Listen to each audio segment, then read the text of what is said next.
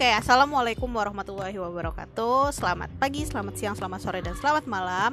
Kembali lagi bersama gue Nyok di Terdistraksi Podcast. Hari ini gue bakal ngobrol sama teman lama gue.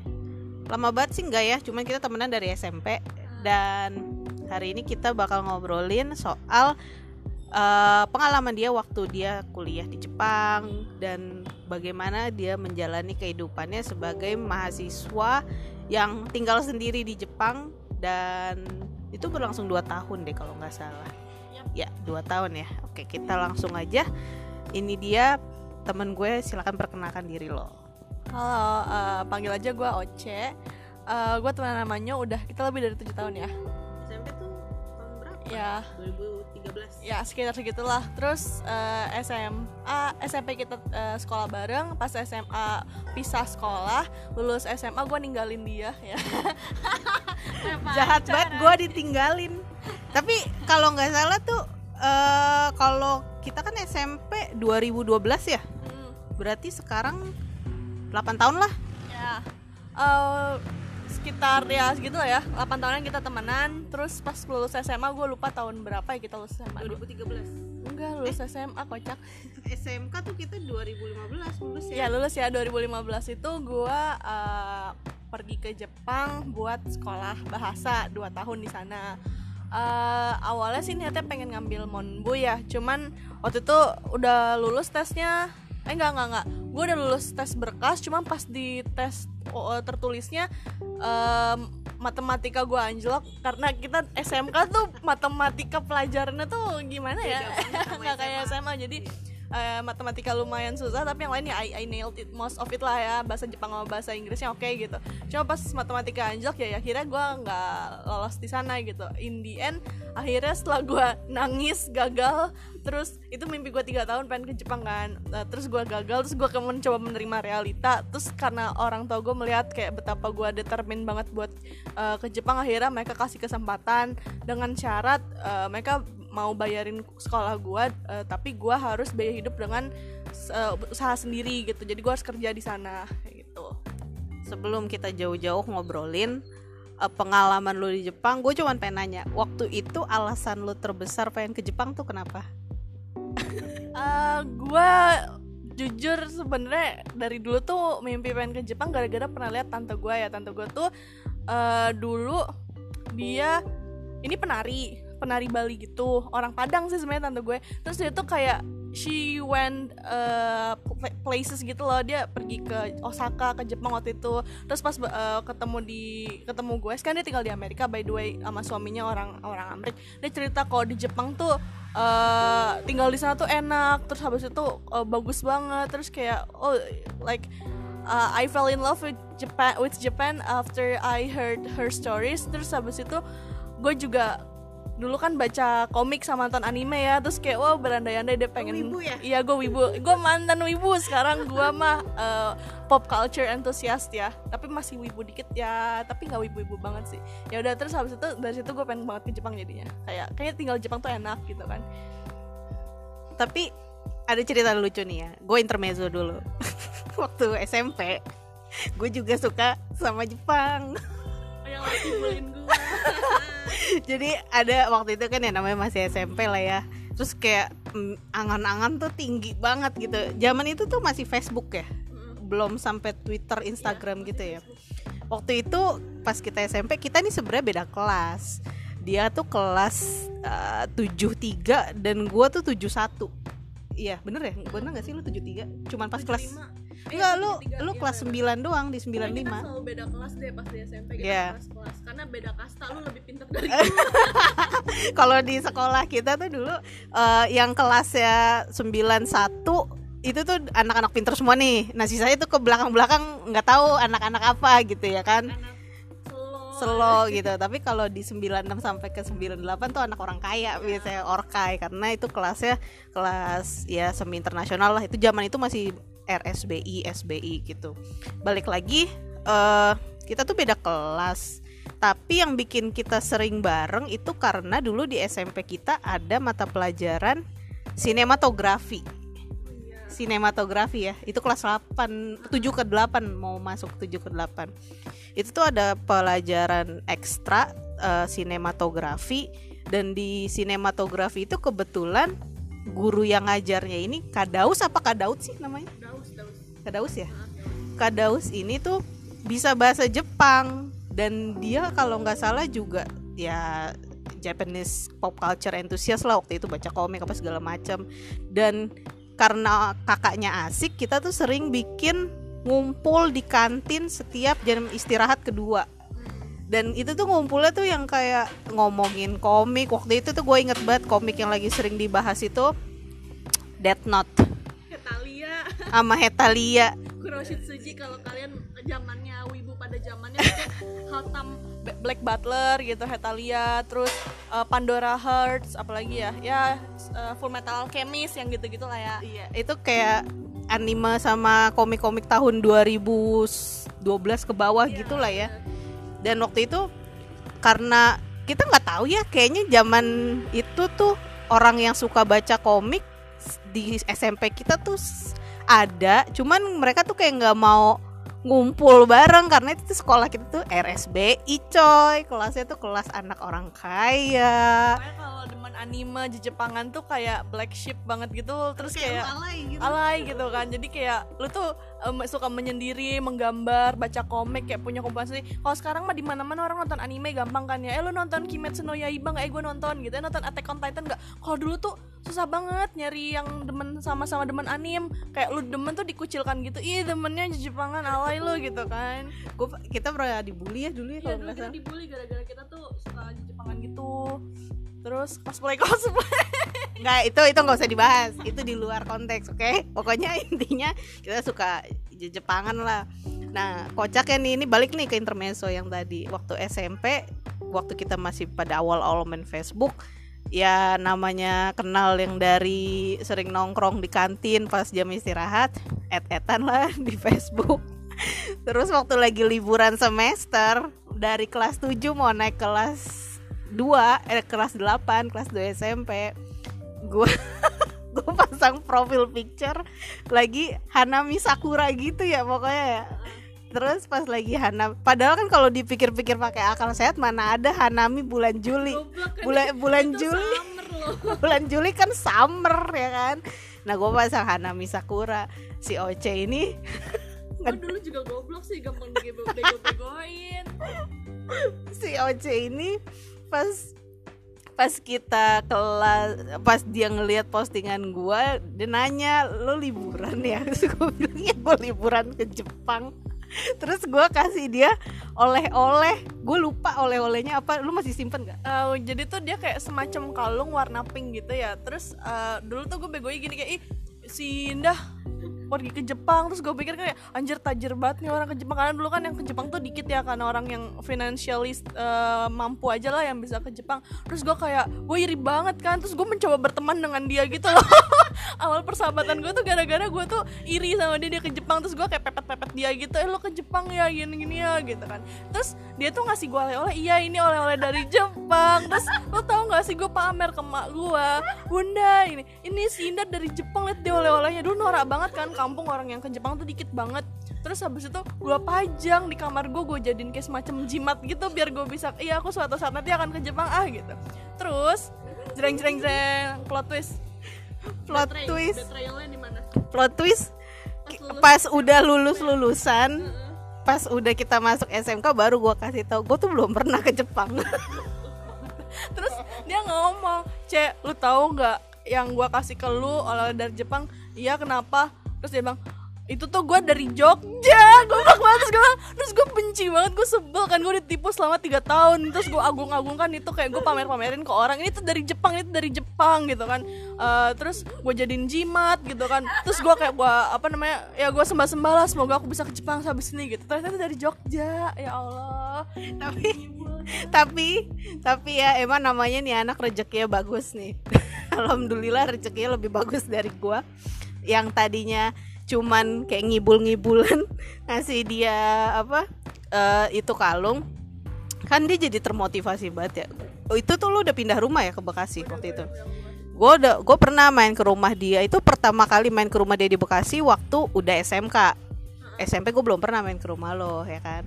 Pas udah SMK main ke rumah dia yang di Bekasi dan gue kayak wih cakep nih terus kan gue ngeliat kayak ada papan gitu terus ada banyak tulisannya. Yang tulisannya tuh kayak goals goals yang mau dia capai di tahun berapa tahun berapa. Dan salah satu goalsnya itu tuh semuanya tentang bagaimana gue bisa nyampe ke Jepang. Pokoknya tuh goalsnya belajar yang benar terus ikut monbu lul, uh, lulus N3 ya waktu itu ya. Standarnya masih N4 sih. Oh N4 ya. Lulus N4 terus habis itu apalagi ya pokoknya pokoknya ke Jepang pas udah lulus aja. Itu itu kan. Tapi waktu itu jalurnya masih pengen lewat Monbu. Ya, karena kita pikir wow Monbu gampang sekali. Ternyata matematikanya tuh hmm bangsat sekali. Terus apa namanya eh tapi kita pernah ikut les bareng. Itu waktu SMP kelas 2 kita les di Unsada. Itu lesnya setiap hari Sabtu 6 jam sampai meledak kepala ya kan dari jam 8 sampai jam 2 siang. Dan gue cuman kuat bertahan sampai 10 minggu pertemuan sesudah itu gue up karena gue nggak sanggup.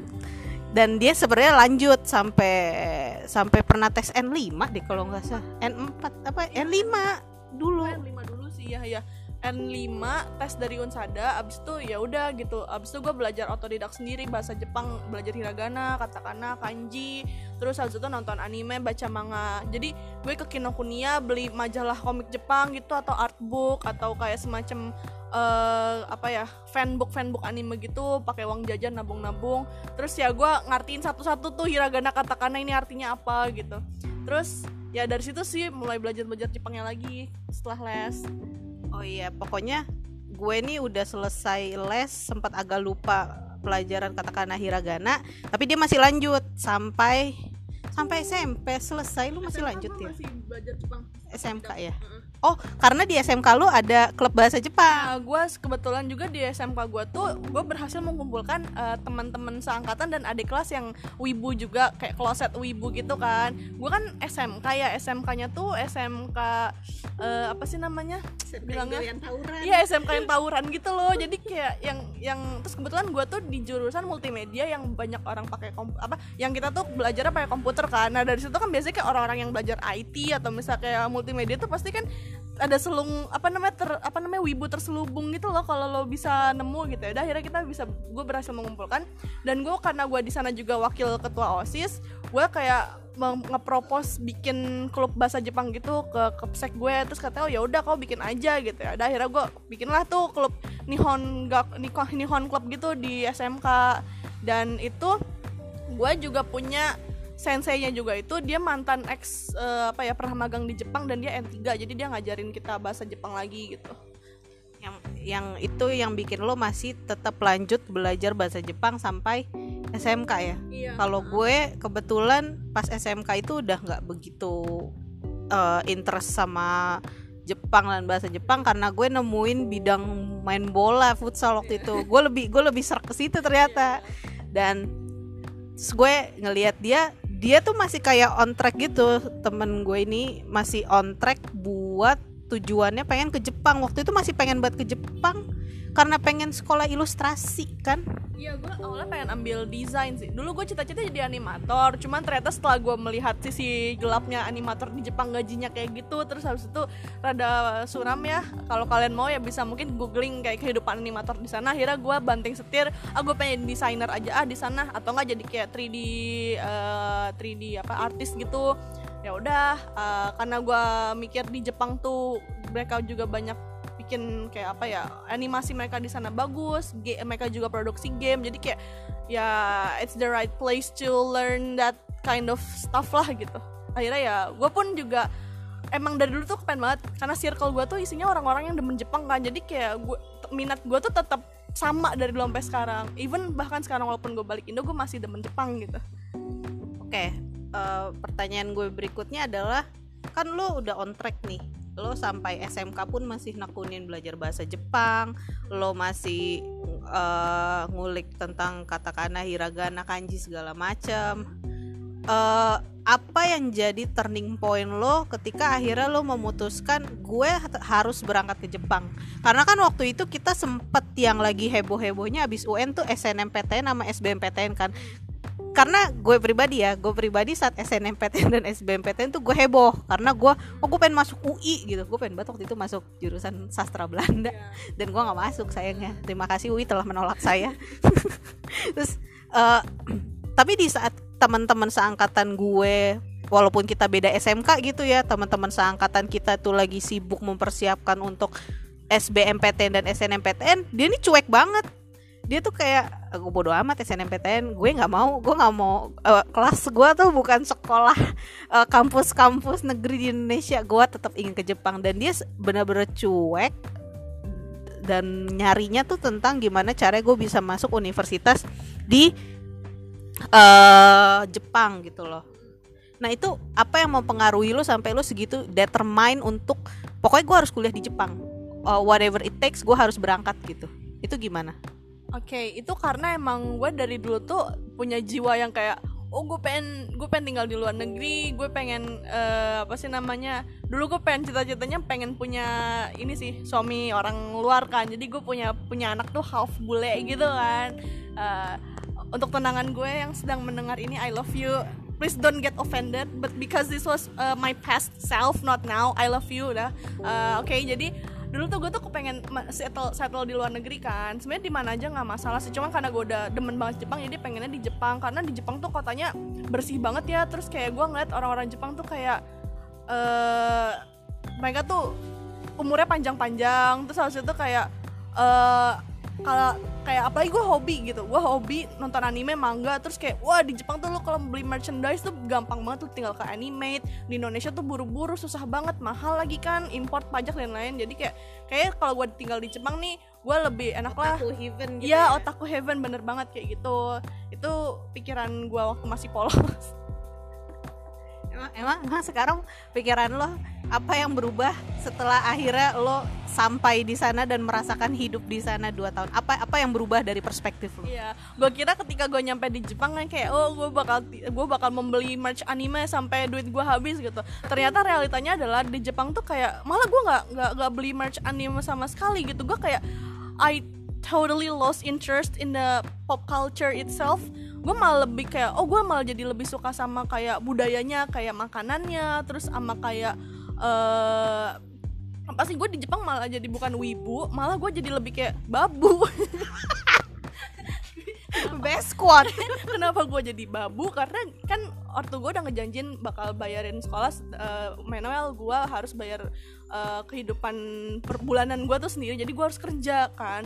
Dalam seminggu tuh gue bisa kerja sekitar 40 jam ya 30 sampai 40 jam which is it's a basic Iya, jadi kayak hours. jadi kayak seharian itu tuh gue abis pulang sekolah gue langsung kerja dan itu selama kayak lima hari dalam seminggu bahkan bisa sampai enam hari gue kerja terus gue sekolah terus gue kayak pulang tuh udah nggak niat jalan-jalan lagi atau kayak uh, ngabisin duit buat beli hobi malah gue malah lebih banyak nabung sama kayak hemat-hemat duit. Karena ternyata kayak nyari duit tuh susah. Akhirnya gue nggak jadi bukan jadi wibu malah jadi babu di Jepang kayak gitu loh.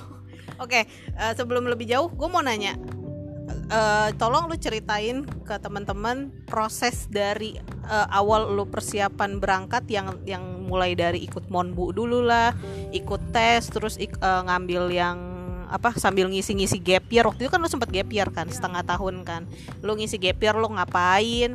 Sampai lu berangkat pakai jasa apa? Terus kuliahnya di mana? Itu gimana? Coba ceritain. Uh, sebenarnya karena gue nggak lewat jalur monbu ya jadi kayak gue nggak bisa membantu banyak soal gimana tips and trick biar dapat beasiswa kayak gitu. Karena gue sendiri nggak dapat sedih kan. Jadi uh, mungkin ini buat orang-orang yang emang mereka uh, bisa pergi ke Jepang ada tabungan bisa kuliah di sana. Karena banyak teman-teman gue di Jepang tuh yang kayak mereka tuh udah independen mereka bayar sekolah sendiri sama bayar hidup mereka per bulan sendiri dan gue tuh admire admire mereka banget gitu loh. Uh, mereka nggak dapat nggak pakai uang ortu mereka tapi mereka bayar sendiri. Cuman emang itu harus lo harus lebih dedikasi sih kayak lo harus kerjanya tuh lebih lebih parah dari gua. Gua udah termasuk parah menurut gue tapi teman gue tuh kayak kerjanya lebih parah lagi gitu. Uh, terus ya paling gini sih kayak kalau lo tadi gimana pertanyaannya? Kayak jadi Eh, kan lu nggak ikut monbu nih. apa yang lu lakukan setelah lu tertolak monbu itu?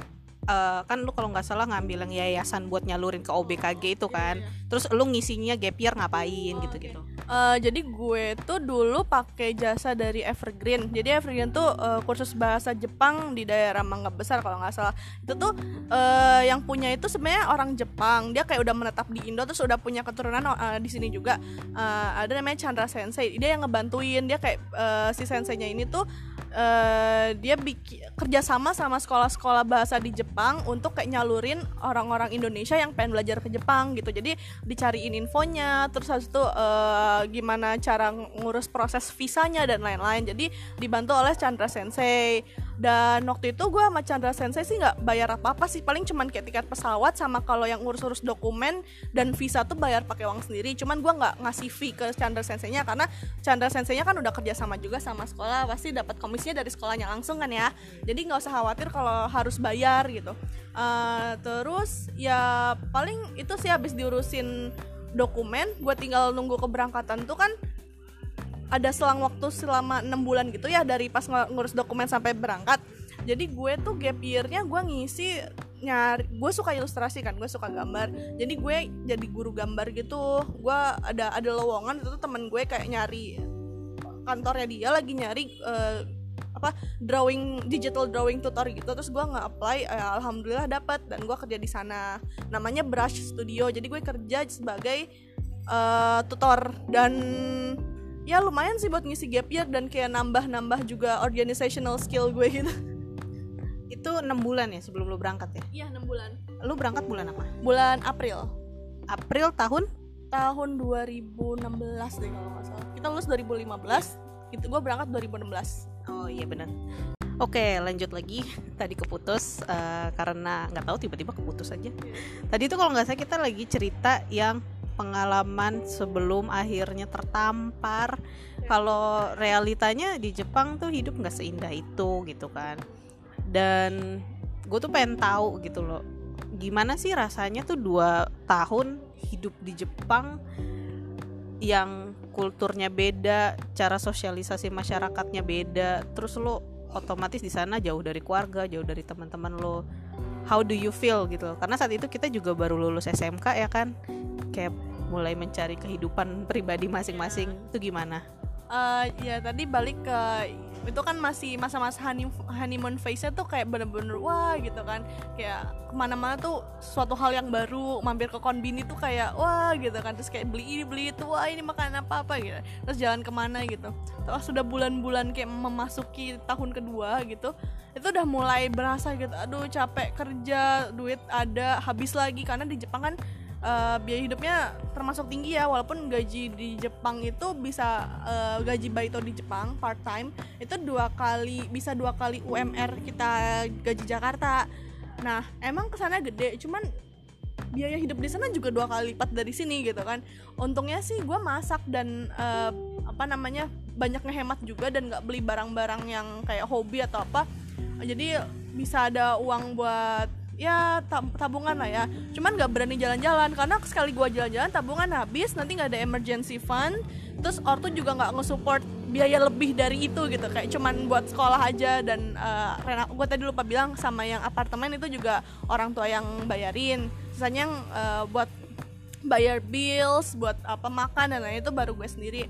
Nah itu aja sebenarnya kayak pas-pasan gitu. Gue kayak cuma bisa nabung sekitar 20% lah ya dari gaji sisanya buat kayak makan bayar tagihan dan lain-lain. Dan ya sekali-kali treat myself nonton nonton ke bioskop lah gitu atau misal beli makanan yang agak mahalan dikit buat sekali-kali kayak mumpung di Jepang tuh makanannya kan enak-enak kayak ya sekalian lah ya experience gitu. Terus nyampe sana tuh karena gue kerja di cafe dan shift shiftan ya itu eh, lama-lama capek juga sih. Walaupun gue enjoy kerja di cafe cuman gue sabtu minggu tuh sering masuk karena emang gak ada orang. Di Jepang tuh sebenarnya like mereka tuh kesus kesulitan bukan kesulitan sih kekurangan tenaga kerja. Jadi di sana tuh banyak banget yang kafe-kafe atau restoran yang buka part time cuman yang lamar tuh gak gitu banyak gitu loh karena mereka tuh kayak orang Jepang tuh punya tendensi mereka cuma kerja kalau lagi butuh duit pas duitnya udah dapet mereka keluar. Dan di sana peraturan buat part time tuh longgar banget. Kayak lu kerja cuma sebulan juga nggak apa-apa. Jadi kita kita yang uh, apa mahasiswa asing itu apa ya yang kerjanya paling lama gitu yang paling dedikasi gitu. Karena kayak kita bisa kerja sampai berbulan-bulan buat ngumpulin duit gitu. Cuman nggak enaknya akhirnya kita jadi lembur gitu. Terus kayak kalau misalnya ada orang yang nggak masuk kita yang gantiin. Jadi Indian kerjanya jadi lebih lebih lama gitu. Kayak gue misal kerja cuma lima hari tapi gue seminggu tuh bisa kerja seminggu full. Karena misal kayak ngegantiin orang lah atau emang karena lagi kepepet duit jadi harus kerja. Mungkin karena ketampar realitanya karena ketika menyadari bahwa sebenarnya nyari duit itu susah gitu. Terus society di Jepang itu sebenarnya tuh nggak se apa ya Gak se di manga. iya nggak se welcome itu juga dengan foreigner gitu. Apalagi kalau lu eh, nggak uh, bisa bahasa Jepang. Emang mereka kalau misal lo sebagai turis kan ya ke sana tuh mereka ramah gitu. Cuman ketika lo menetap sebagai kayak warganya gitu lo bakal susah sebenarnya nyari temen di sana. Karena orang Jepang tuh mereka kayak they build walls gitu kan.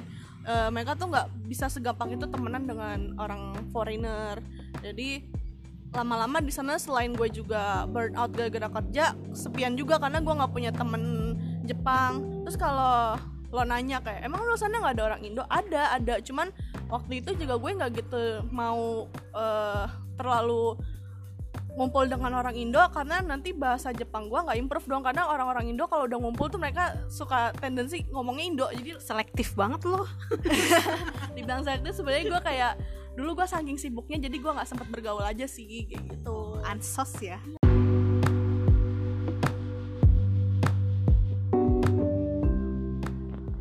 Language barrier. Ya jadi uh, karena ada language barrier tadi gue ngomong lagi ini ya ngomong soal mana nama orang Jepang ya? Iya susahnya gimana iya. sosialisasi di sana. Uh, uh, terus uh, mereka juga kayak nggak mau terlalu terbuka dengan kita gitu loh karena mungkin karena sejarah orang Jepang dulu kan mereka kan negara tertutup ya. Jadi kayak mereka nggak terlalu update dengan dunia luar. Dan ketika orang-orang luar masuk ke Jepang tuh mereka masih kayak masih building their walls gitu.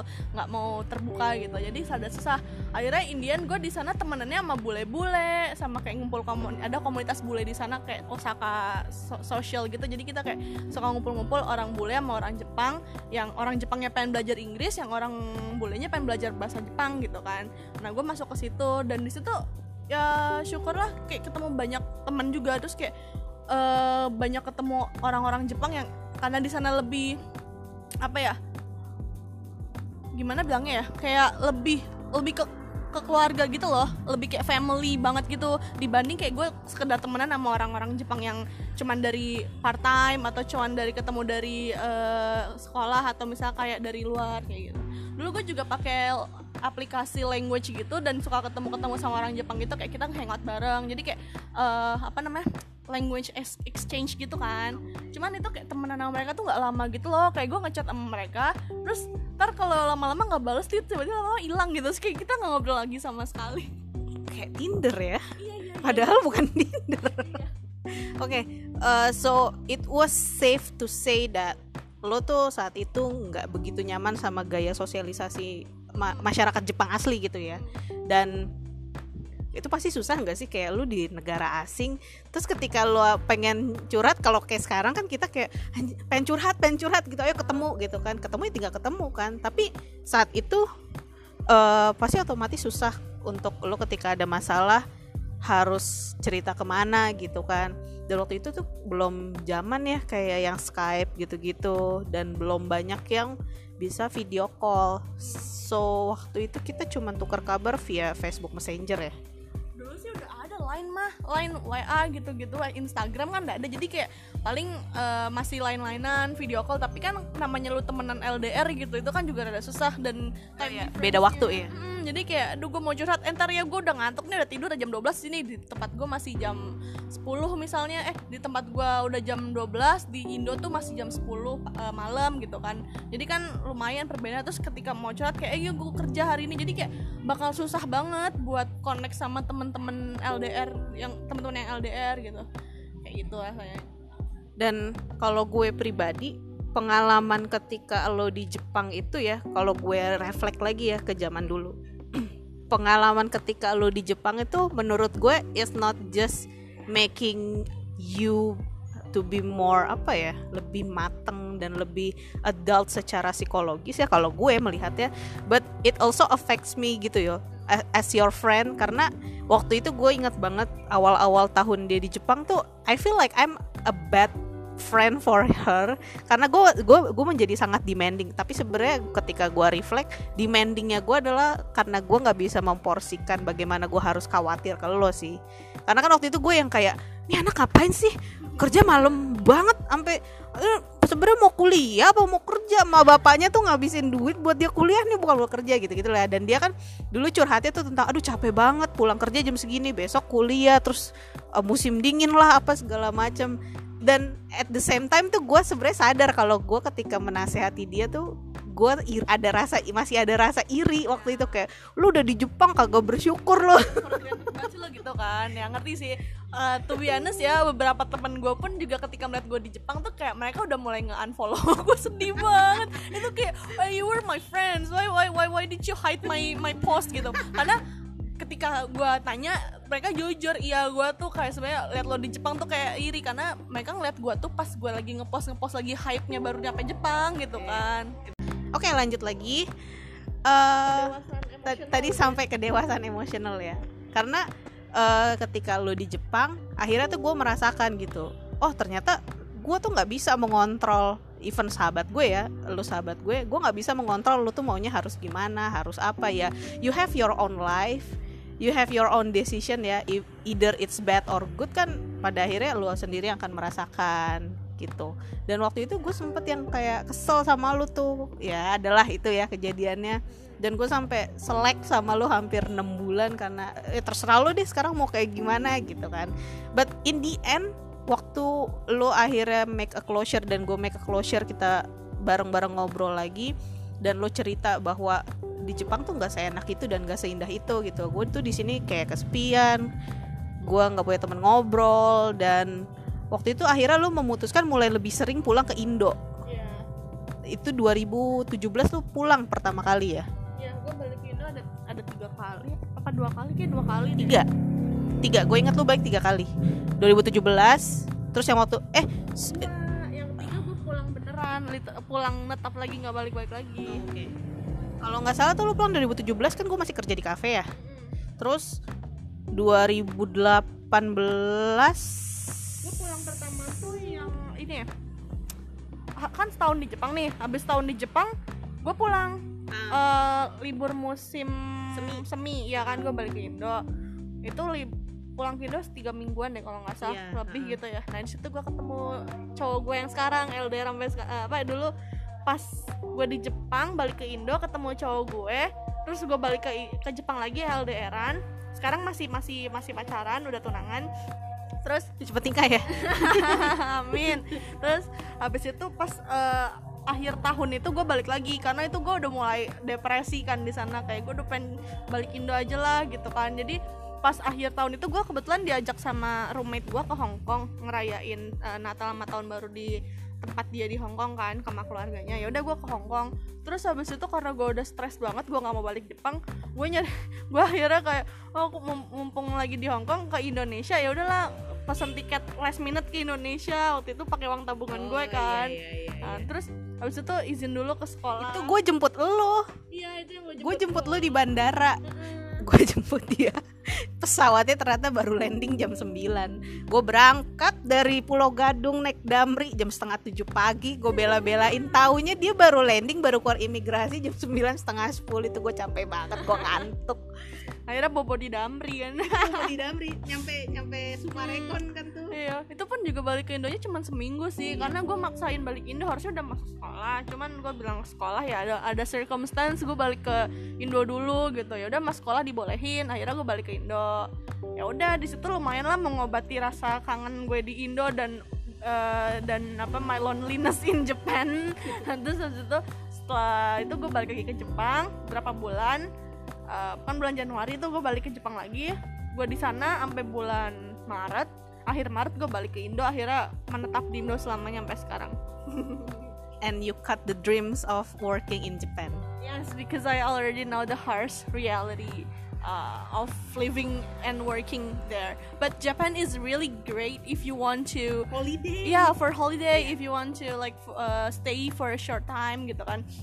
But for working I don't really recommend it unless you have the nerves of a steel gitu kan. Kalau misal lu pengen kayak oh yaudah jadi jadi kerja banting tu- apa tulang kerja keras sebagai kuda gitu nggak apa-apa. Cuman kalau gue kan agak fragile dan gue nggak bisa stress level gue terlalu high itu nggak bisa gue jadi gue kayak harus ya udahlah maintain my sanity balik ke Indo aja. Di Indonesia juga stressful cuman it's a lot better. It's a lot better ya. It's a lot better because I have my friends here, my fiance, my family. So yeah, it's it's better.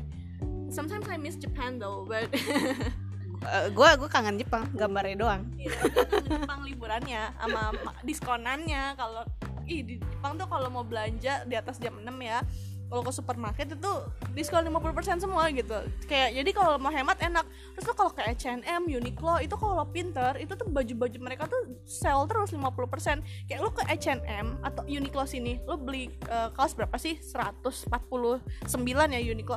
Itu kan di Jepang diskon 50% itu bisa sampai 500 yen doang. Lo kayak beli cuma 60 ribu 70 ribu doang. Itu lo dapet barang bagus-bagus. Terus H&M tuh sering diskon 500 yen. Yang harusnya lo beli di Indonesia beli 300 ribu di Jepang tuh bisa dapat 100 ribu. Jadi kayak cuan banget tinggal di sana tuh kalau lo pinter nyari-nyari diskonan ajak gue lah kalau ke Jepang tuh gue cari. Kalau gue dulu nitip itu kamera Instax. Yang aslinya kalau di Indo tuh bisa kayak sejuta dua ratus. Di sana tuh kayak cuman GoPay 400 ya tapi second hand store. Tapi second hand store di sana ternyata kayak wah masih bagus-bagus banget. Barangnya kayak masih min condition dan gue nggak ngerti kenapa orang Jepang tuh gampang banget muterin barang untuk elektronik that so fast. Dan kayak barang yang dijual masih bagus harganya tapi murah banget gitu. Karena orang Jepang apik ya dengan barang gitu. Mereka eh, disiplin banget pakai barang yang nggak rusak. Jadi kayak lo beli second hand di sana tuh nggak kayak beli second hand di sini. Di sini udah kayak udah dent lah udah udah udah rusak lah udah apa. Tapi di sana tuh kayak masih baru. Jadi kayak aman lah beli second hand di sana eh ketika akhirnya nih lo memutuskan oke gue nggak mau ah tinggal dan kerja di Jepang like I used to dream of gitu kan. Dan akhirnya lo memutuskan untuk balik ke Indonesia dan lo berpikir Jepang Jepang hanya bagus sebagai tempat liburan bukan tempat kerja dan hidup. Apa yang eh, pelajaran paling besar banget yang sampai sekarang tuh ya ini ngebentuk diri lo sekarang gitu loh sampai akhirnya lo balik ke Indo dan apa yang mungkin terjadi kalau misalnya lu nggak ke Jepang? Are you going to be a different person atau lu bakal tetap kayak gini-gini aja? Ya absolutely. Kayak kalau gue nggak ke Jepang mungkin gue nggak terbentuk ya karakter gue yang seperti ini sekarang gitu. Udah ketempa duluan di Jepang eh, dengan harsh reality. Cuman apa ya eh, balik lagi tiap orang tuh masing-masing punya kayak level toleransi berbeda-beda ya. Jadi kayak mungkin gue nggak cocok kerja di Jepang mungkin bagi sebagian orang cocok gitu. Karena waktu itu gue pernah kelas pendapat sama teman gue ah gue nggak bisa teman sama orang Jepang gini-gini. Ternyata dia bilang wah gampang ah temenan sama orang Jepang gue gini-gini. Karena memang ternyata dia emang bisa gitu loh sama ngobrol sama orang Jepang. Kalau gue tuh ngobrol tuh gue kayak lebih suka ngobrol yang kayak wah gitu kan kayak rada ribut gitu. Orang Jepang tuh kayak rada susah diajak ngomong ribut dan kayak kalau nggak nyambung tuh kayak orang Jepang tuh kayak eh ah so this nih kayak kok jadi garing gitu kayak lo ngomong gitu. Kalau kita ngomong kan eh coy gitu kan. Cuy gitu kan. Terus kayak ngomong tuh kayak nyablak gitu. Kalau di Jepang tuh lo ngomong harus kayak sama temen tuh kalau lo belum akrab ya kayak aduh gimana ya? Susah deh. Kayak lo harus sopan jangan bikin dia tersinggung.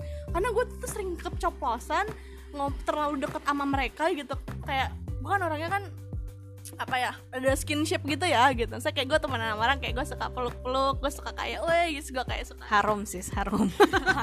Nggak yang cewek cowok sama aja. Cuma orang Jepang tuh kayak nggak mau disentuh gitu. Gue kadang suka kayak eh gitu. Terus gue pencet eh gue pencet.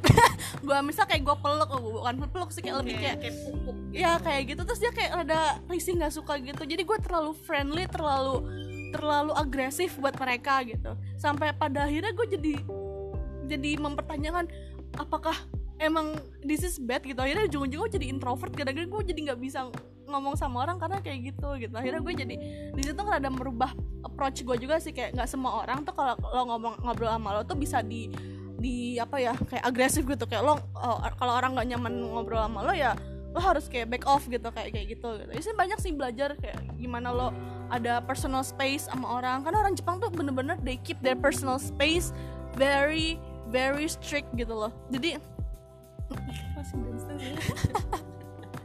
ya. Jadi uh, in the end cara gue berkomunikasi sama orang terus cara toleransi gue juga jadi lebih tinggi kalau di Jepang jadi lebih peka gitu lebih lebih sensitif aja gitu. Terus juga tadi pertanyaannya soal apa ya tadi yang merubah? Apa sih perubahan paling besar oh, dari ya. diri lo? Ah, dan kalau misal lo nggak ke Jepang apakah lo akan tetap jadi yang sekarang atau lo bakal jadi yang beda? Oh ya dulu tuh kayaknya gue pernah dinasehatin deh sama lo gitu kan. Soal masalah gue tuh orangnya terlalu bukan gak realistis terlalu apa ya? Kayak gue tuh gak nggak lo suka marahin gue karena orang gue orangnya terlalu apa ya? Gue ingatnya tuh waktu itu gue sempat marahin lu tuh karena kayak lu nggak bisa ngatur prioritas. Dan gue tuh yang di waktu masa-masa demanding itu loh yang gue bilang lu tuh harusnya ketika udah di Jepang bikin YouTube aja. Dong bikin YouTube lu bikin aja tentang makanan kayak apa ke travel dan setali setali dua uang gitu kan bla bla bla bla. Yang kayak gue ngedikte lu harus gini gini gini. Karena what I see in your social media ketika lu di Jepang kan kayak ini anak kayak banyak banget sih waktu luang. Tanpa gue tahu sebenarnya lu kecapean pulang kerja yang sampai 8 jam itu kan. Kayaknya itu deh masalah priority dan gue tuh nggak tahu kondisi lu di sana waktu itu gimana kan. ya, gue dulu tuh sebenarnya lebih kayaknya sih kayak gue dulu terlalu po bukan polos sih terlalu munafik ya? Naif naif. Naif. Kok munafik sih? Gue nggak gue nggak bisa gue tuh suka ketuker-tuker munafik naif, sama naif, naif, ya. ya gue dulu naif banget orangnya. Sampai kayak suka dimarahin sama lu kan. Kayak kenapa sih lu jadi orang naif banget sih gini ya. Nah di Jepang tuh akhirnya tanpa realita kayak ya gue nggak bisa kayak gitu gitu. Indian gue jadi kayak uh, apa ya? Apa ya? Jadi lebih realistis lah intinya. Terus jadi lebih dewasa juga. Kayak gue bisa uh, apa ya bilangnya kayak lebih lebih lebih apa ya? Gue bingung deh men menjelaskan perasaan ini tuh rasanya gimana kayak yaudah hidup tuh kayak gitu. Yaudah set standarnya tuh kayak gitu gitu.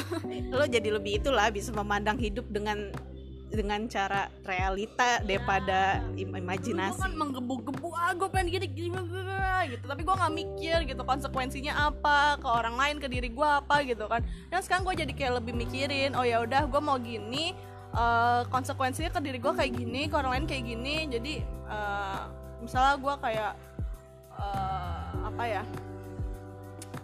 Bingung sih jelasinnya kayak gimana. Cuman intinya tuh lebih bisa dewasa dalam menentukan ini aja sih. Kayak gue maunya apa gitu. Terus gue udah tahu apa yang gue mau.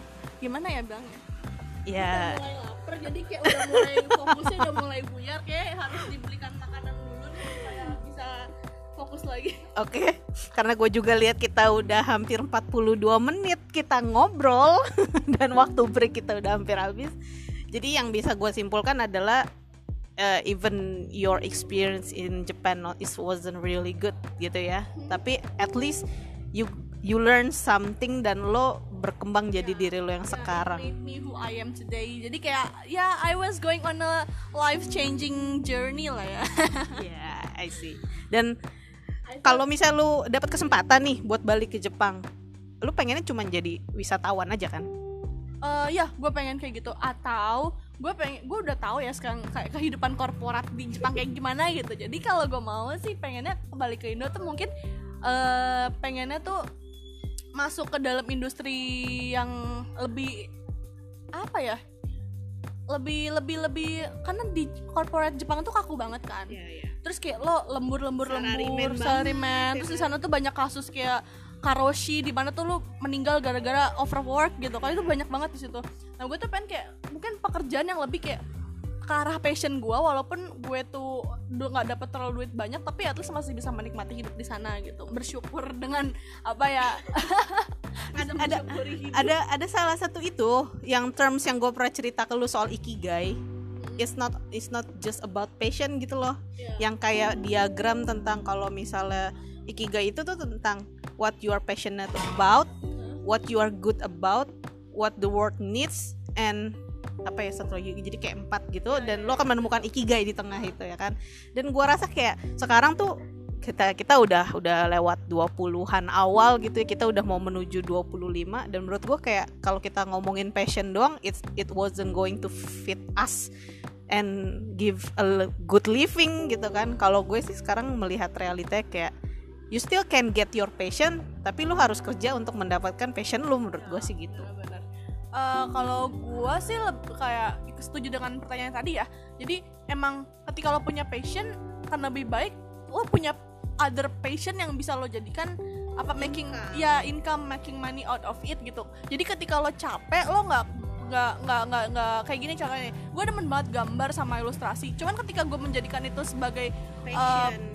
apa money Jadi- gitu jadi- money making dari situ iya. itu gue bakal capek banget dan ketika gue males gue gambar gue bakal benci gambar gitu. Iya, dan iya. gue nggak mau itu terjadi karena itu satu satu passion yang bikin gue seneng gitu. Jadi if you have a passion that you make uh, make, uh, make makes you really happy keep it from apa? Ya keep it from making you stress out Iya gitu. gitu loh. Jadi uh, kayak gue sekarang kan gue juga punya passion digital marketing ya. Jadi kayak gue menjadikan marketing itu sebagai kayak ya udah passion gue dan gue juga making money dari situ. Jadi ketika gue capek gue bisa escape sementara ke gambar Iya, kayak iya, gitu. It- jadi kayak pekerjaan lo yang sekarang yang sebenarnya kita lakuin karena kan kita sekantor ya. Kayak kendaraan kita untuk kita menikmati passion kita tanpa kita harus pusing eh, tentang bagaimana kita bisa menghidupi diri kita ya kan? Karena balik lagi sih menurut gue kita tuh harus bertanggung jawab sama diri kita sendiri nggak sih pada akhirnya in the end of the day without without passion gitu mungkin kalau misalnya kayak lo tadi bilang kan apa yang bikin gue jadi berubah? Ya itu kalau gue nggak ke Jepang mungkin gue bakal jadi tetap naif gitu loh. Kayak gue Yes. pengen jadi desainer. ya itu yang, Heeh. yang yang mungkin lo dari tadi pengen ceritain Iya kan? dan dan karena gue gagal fokus itu depan gue lagi makan samyang. Jadi gue tuh ngeliatin dia makan terus gue udah kepikiran mau makan. Kayak iya enak banget tuh samyang anget-anget kan. Jadi eh tuh kan gue fokusnya di ini lah. Apa apa kita sudahi saja. Boleh, buat next next ini ya kalian next Next- session ya. next session. next session kita cerita soal kayak kegelapan eh, industri di Jepang gitu. Sampai beberapa selebgram yang pulang dari Jepang akhirnya memutuskan untuk stay di Jakarta. tapi kalau macam kayak Jerome mah ya di Jepang hevan hevan aja lo dapat duit dari bikin konten bikin YouTube. Lu sih dulu nggak bikin YouTube gue udah bilangin ke lo dulu. Lu tuh bikin YouTube nih demanding gue nih. Ya, lo kira segampang itu. Gue kerja. Nih ya gue gue tidur jam 2 malam tau nggak kenapa? Karena gue tuh jam jam jam 9 bangun gue masak gue nyuci jam du- 11 gue udah siap-siap jam 12 gue kerja apa sekolah gue sekolah siang kan. Nah jam 12 gue sekolah jam 6 gue balik itu jam 7 tuh gue udah mulai kerja sampai jam 12 malam. Kadang pulang jam 1 kalau gue closing shift harus beres-beres. Ah, kayak gitu ya terus sampai Sabtu Minggu juga kadang gue kerja. Jadi gue nggak mana mungkin bikin konten. Kalau gue bikin konten sambil kerja gitu kan. Ah tenco gitu kan. Atau konbanwa gitu kan. Atau eh, apa namanya kongkai wa gitu kan nggak bisa gue sambil sambil kerja kayak gitu nggak Iya, bisa. jadi ya nggak bisa bikin konten sering-sering. Jadi mah inti mah Jerome mah emang Udah spesies berbeda case ya special case. Dia mampu ngatur waktu segitunya. Kalau kita kan tipikal-tipikal wibu babu. Jadi wibu babu tuh beda kastanya sama yang macem-macem Jerome dan yang lain-lain gitu Jerome eh, I'm no hate for you ya dan we know we have no hate for you. ya we, we respect you as a as a content creator karena lo juga bikin kayak banyak orang jadi suka Jepang gitu Yes, kan ya. exactly. teman-teman gue juga banyak yang jadi pengen ke Jepang gara-gara Jerome gitu. Tinggal nunggu aja mereka sadar. I mean if I can rewind back time gitu gue juga pengen jadi kayak Jerome sih. Jadi kayak gue nggak usah kerja baito gue kayak bikin jadi content creator kan lumayan kan. Gue jalan-jalan jalan-jalan jalan dapat duit gitu ternyata waktu nggak bisa diputar kak. Harusnya kakak dengerin saya waktu itu ya. Kan Oke, akhirnya selesai juga ngobrol gue sama Oce kali ini. Sebenarnya masih banyak yang mau kita bicarain, but I I choose to make it short, under one hour, so you can listen it anytime dan nggak makan data lo banyak-banyak pendengar gue semuanya. But thank you again Oce. Di sela-sela kerja kita bisa ngobrol kayak gini dan mungkin nanti kita akan ngobrol lagi di segmen-segmen berikutnya atau di season berikutnya kalau misalnya ini udah penuh. Eh, dan semoga aja pengalaman lo di Jepang ini tuh bisa ngasih gambaran baru ke orang-orang yang emang pengen merasakan hidup kerja atau sekolah di sana. And ya apa ya kita ngobrol ya kayak ngobrol aja gitu. Dari awal udah manage expectation aja kalau di Jepang tuh ya lo nggak bakal seneng-seneng terus pasti ada kayak hardshipsnya juga. Jadi ya it's how you apa ya How you uh, deal with life. ya how do you deal with life and make the best out of it. Gue nggak nyesel kok gue di Jepang gue seneng banget. Bahkan sampai sekarang gue kayak masih suka kayak kenang-kenang masa di Jepang dan pengen balik lagi. Cuman ya memang senang sedihnya banyak dan gue nggak nyesel itu aja.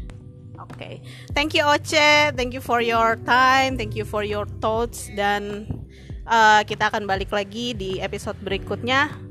Di mana episode selanjutnya gue juga akan ngobrol sama salah satu teman gue yang ke Jepang dan dia mualaf di sana. Dan Oce tahu orangnya. gue sering jalan sama dia Oke, sampai ketemu di podcast gue berikutnya. Salam dari gue Nyo. Wassalamualaikum warahmatullahi wabarakatuh. See you on next terdistraksi podcast. Bye bye.